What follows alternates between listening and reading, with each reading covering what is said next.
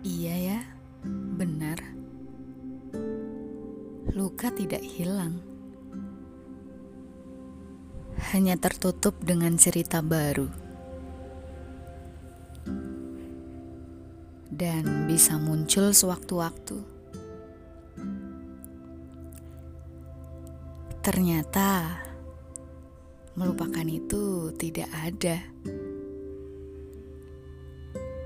Yang ada ialah menerima.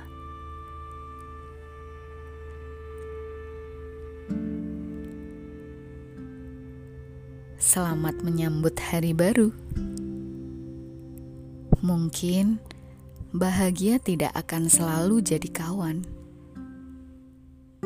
tapi dirimu sendiri akan selalu ada, menjadi obat paling hebat atas apa pun yang akan terjadi.